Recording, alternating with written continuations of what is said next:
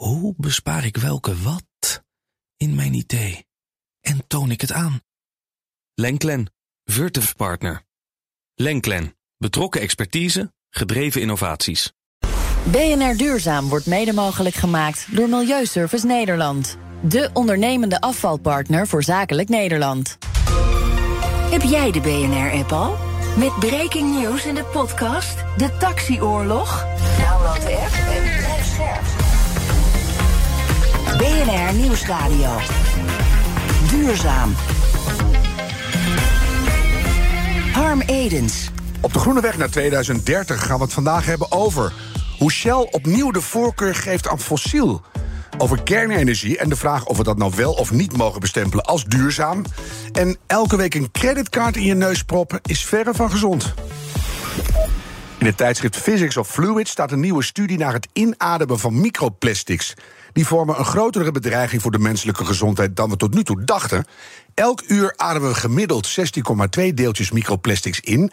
En als je dat bij elkaar optelt, dan heb je na een week een creditcard opgesnoven. De deeltjes hopen zich op in de neus en achter in de keel. En ze bevatten schadelijke chemicaliën. Ze inademen kan ernstige gezondheidsrisico's met zich meebrengen. Zo vertellen de onderzoekers. Vooral in gebieden met aanzienlijke plasticvervuiling of industriële activiteit is de situatie zorgwekkend. Plastic soep, microplastics, nanoplastics. Het wordt steeds duidelijker. Met plastic moeten we veel en veel zorgvuldiger gaan omspringen. Ik ben Harm Edens, dit is BNR Duurzaam. En ons groene geweten is deze keer Aniek Monen van de Jonge Klimaatbeweging. Aniek, ik zag jouw hoofd en stem langskomen in een filmpje over Shell.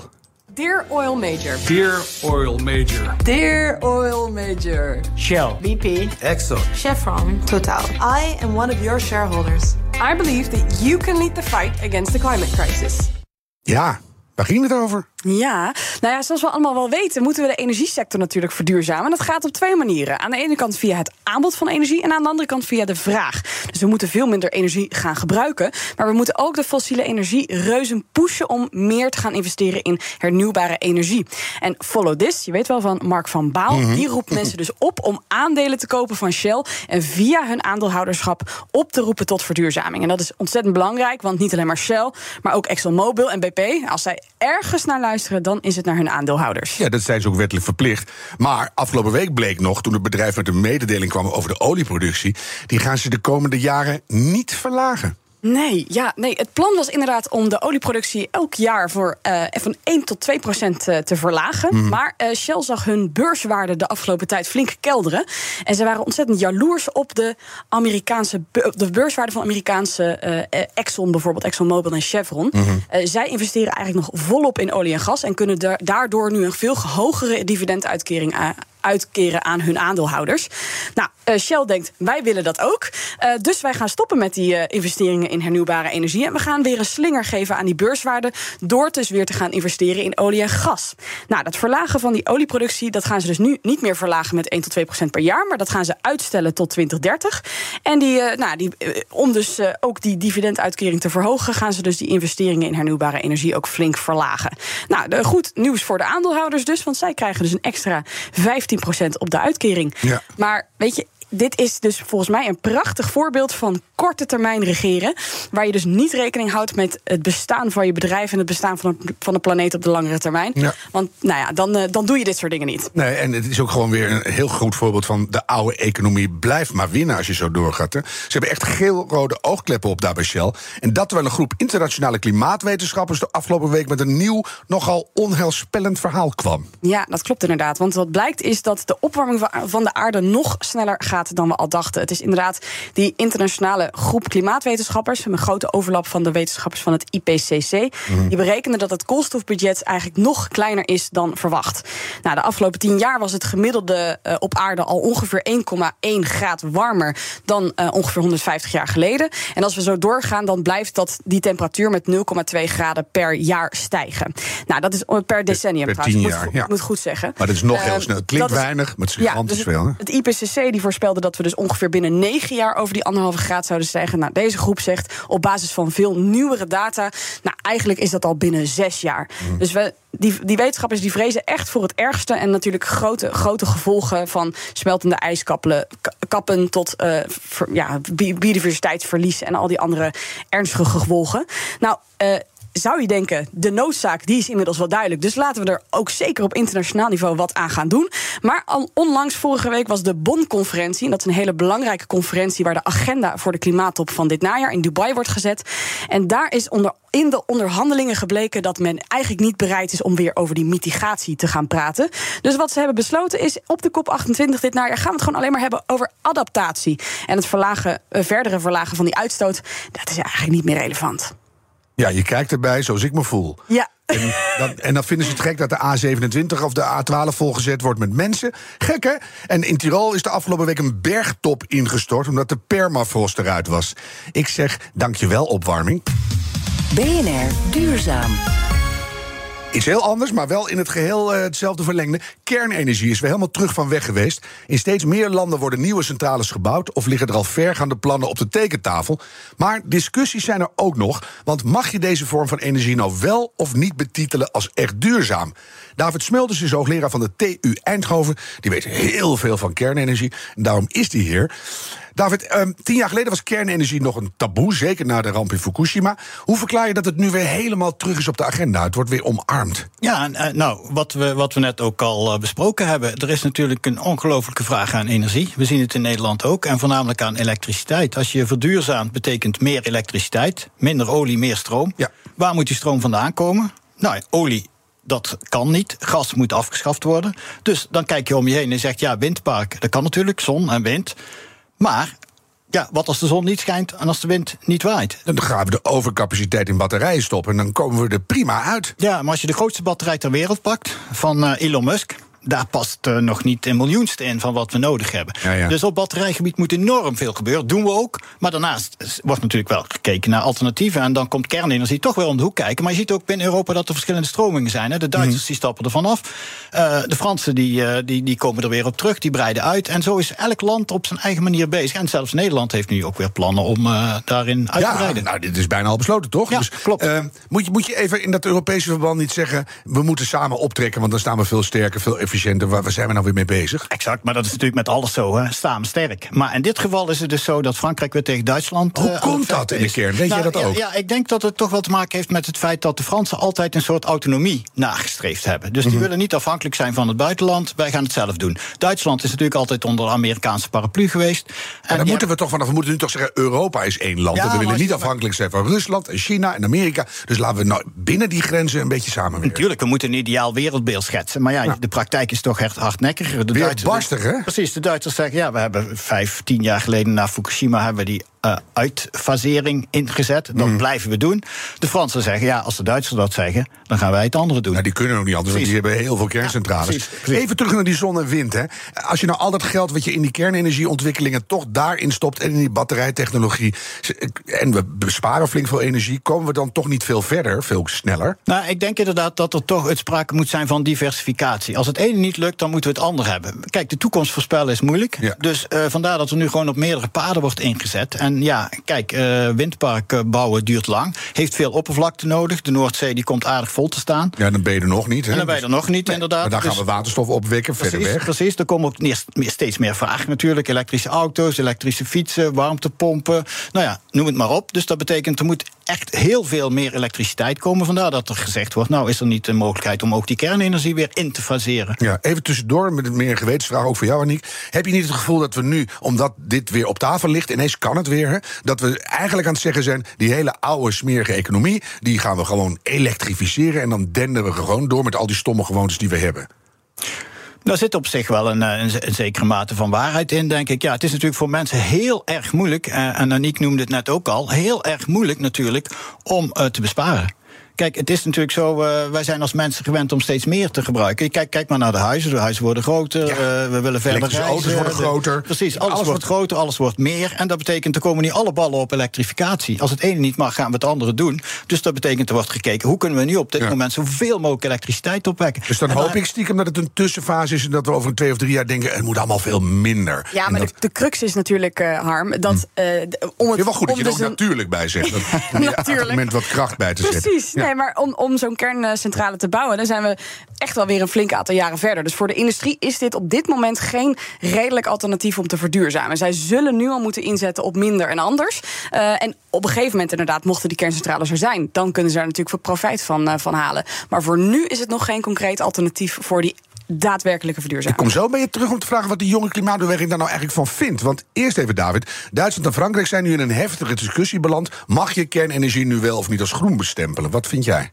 Ik denk het wel. Ja, ik, ik, ik denk inderdaad dat we, we hebben alles nodig om die CO2-uitstoot te beperken. Ik denk, kijk, primair moet de vraag zijn: hoe kunnen we CO2 beperken? Mm beperken? Want dat warmt de aarde op. Ja. Nou, en dan moet je dus kijken, ja, je moet dan misschien over wat uh, ja, ongemakkelijke waarheden heen stappen. En dat hebben we tot nu toe kunnen vermijden. Zoals bijvoorbeeld minder gebruiken. Maar aan de andere kant ook, uh, ja, wat vroeger niet mocht, mag misschien nu wel. Radioactiviteit produceren. Nou ja, uh, dat wordt natuurlijk geproduceerd. Maar aan de andere kant is dat minder erg dan CO2 produceren. Kijk, mm. want die radioactiviteit, tenzij er een ongeluk gebeurt, komt natuurlijk niet in de atmosfeer. CO2 nee. wordt in de atmosfeer, zorgt dat die aarde opwarmt. Die CO2, die ben je kwijt. Maar die radioactiviteit, als je het goed doet, vang je dat mooi op. En dan heb je geen last meer van. Dat en dan kunnen wij steeds beter. En die centrales worden veiliger en, en kleiner. Exact, en dus ja, het zou ja, overzichtelijker moeten kunnen worden. Kijk ik even naar het kritisch geweten van dit programma. Aniek, hoe, hoe denkt die jonge klimaatbeweging daarover? Nou, jongeren zijn eigenlijk relatief pragmatisch als het uh, aankomt op het onderwerp kernenergie. Ongeveer twee derde heeft eigenlijk liever kernenergie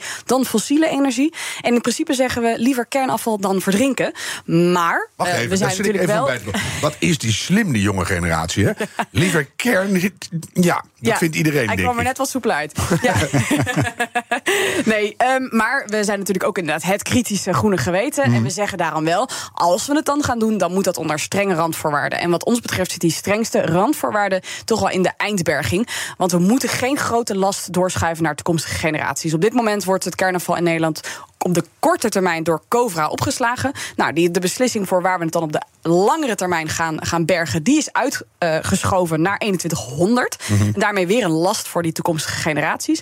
Maar ja, die eindberging is wel belangrijk. Want we moeten het nog duizenden jaren moeten we dat uh, kernafval ergens kunnen bewaren. En eigenlijk op dit moment is alleen Finland een land waar ze dat echt al aan het proberen zijn. Maar ook daar kunnen ze eigenlijk pas vanaf 25, 2025 uh, aan de slag. Dus groot vraagteken die wat ons betreft eerst beantwoord moet worden ja, voordat ja, we aan de slag Maar dat gaan we nu even doen, David. Want ik heb ook wel eens gehoord dat die nieuwe generatie kerncentrales die er nog aan zitten komen, dus misschien nog niet wat we nu gaan bouwen, maar de volgende, dat die het afval van die vorige centrales weer opeet. Nou, voor een deel wel, maar er komt natuurlijk altijd nog een, een zekere mate van radioactiviteit vrij waar je, waar je niks mee kunt. En die mm-hmm. moet je inderdaad voor duizenden, tienduizenden jaren opslaan. En zoals net ook gezegd, Finland is daar uh, bij die kerncentrale in Olkiluoto is daar heel, heel, heel erg ver mee. Ja. En Nederland moet die beslissing op een gegeven moment ook maken. En dat, ja, dat, wat, wat ze in Finland dus doen, is inderdaad ondergrondse op, opslag. Ik heb een proefsite daar ook van gezien. Dat is echt interessant. Ze Ja. gaan tot uh, honderden meters Ja, onder, de grond. En daar worden dan boorkernen uitgehaald. En daar wordt dan inderdaad dat radioactiviteit in opgeslagen. In de hoop, het is natuurlijk altijd een aanname, hè, dat, dat dat daar blijft zitten. En dat het er niet uitlekt. Dus we moeten daar toch heel voorzichtig mee zijn, denk En dat ik. je er ook weer bij kan als je het weer nodig hebt, bijvoorbeeld. dat is een van de belangrijkste. Het is niet uh, beton erop en we komen er nooit meer op terug. Nee, maar het is natuurlijk geen enkel Nederlands kabinet wat nu bij een eerste de beste dorp in Nederland wil aankloppen om te vertellen dat ze daaronder kernenergie gaan Nee, maar ik denk, Dus dat die- wel, ik denk dat het wel belangrijk is om dat nu te gaan doen. Al die discussie uh, op gang te brengen. En dat Zeker. is natuurlijk, neem het je verantwoordelijkheid. Neem je verantwoordelijkheid. Ja. Precies. Maar dan gaan we het even op een hoop vegen. Eh, David, eh, we hebben kernenergie nodig voor een duurzame toekomst. En als we dat doen, dan kunnen we daarmee ook een deel van het klimaatprobleem oplossen. Want dan heb je een goed verhaal. Is dat zo? Ja, ik denk het wel, ja. En nogmaals, het belangrijkste is toch die diversificatie. Hè. Kijk, als het ene niet werkt, om wat voor reden dan ook... eh, denk ook bijvoorbeeld alle windparken offshore... als daar bijvoorbeeld de kabels worden doorgeknipt... Hè, dan komt zo'n geheimzinnige Russische Ja, duik, ze gaan knip, rommelen knip, met de, met de software Precies. van zo'n kerncentrale. word ik ook niet vrolijk. Ja, Dus- oké, maar diversificatie betekent als het een niet werkt, werkt het ander nog. Dus dat betekent zet op in meerdere paarden in om die wedstrijd te winnen. Ik denk dat dat het allerbelangrijkste is nu. Qua haast en qua onzekerheid waar we heen lopen, hebben we alles nodig. Exact, exact. Nou, nam Ja. het kabinet eind vorig jaar een besluit over de bouw van twee nieuwe centrales. Uh, gaan die een beetje het verschil maken of is dat een beginnetje? Nou ja, het is natuurlijk nu zo dat die kerncentrale in Borselen die er nu staat, dat is uh, 500 megawatt, relatief klein. Dat is 3% van ons elektriciteitsverbruik. Maar dat is aan de andere kant nog steeds genoeg voor 1 miljoen woningen. Ja. Dus dat betekent 1 miljoen woningen, die worden inderdaad van stroom voorzien vanuit Borstel. Nou, als, ja, als of een... één kunstmestfabriek, maar goed, dit gedeelte ja, ja, industrie, eh, met, ik, ik reken makkelijk in woningen natuurlijk. Dat Klinkt altijd leuk. Voelen, voelen de mensen zich ook betrokken. Ja, dat doen die, men, doen die wetenschappers altijd. Ja, precies. Hm. Maar als je dus zegt van oké, we zetten er nu wat centrales bij wat ze nu willen doen, dan komt dus het totaal komt ongeveer op 20%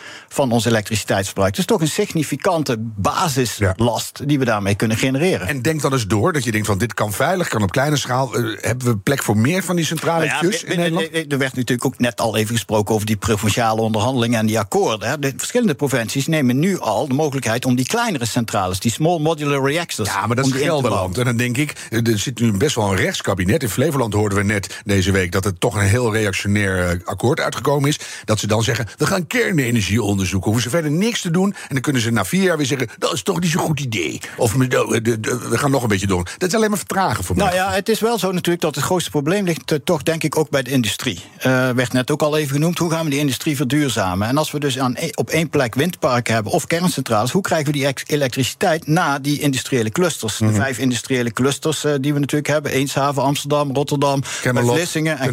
Ja. Precies, dat zijn lange kabels. Ja. En als je als daar centraletjes zet... Kleine centraletjes, die small modular reactors, simpel. Nou ja, dat, dat is, het lijkt mij heel redelijk om dat te onderzoeken. Maar op dit moment zijn die small modular reactoren nog niet commercieel beschikbaar wereldwijd.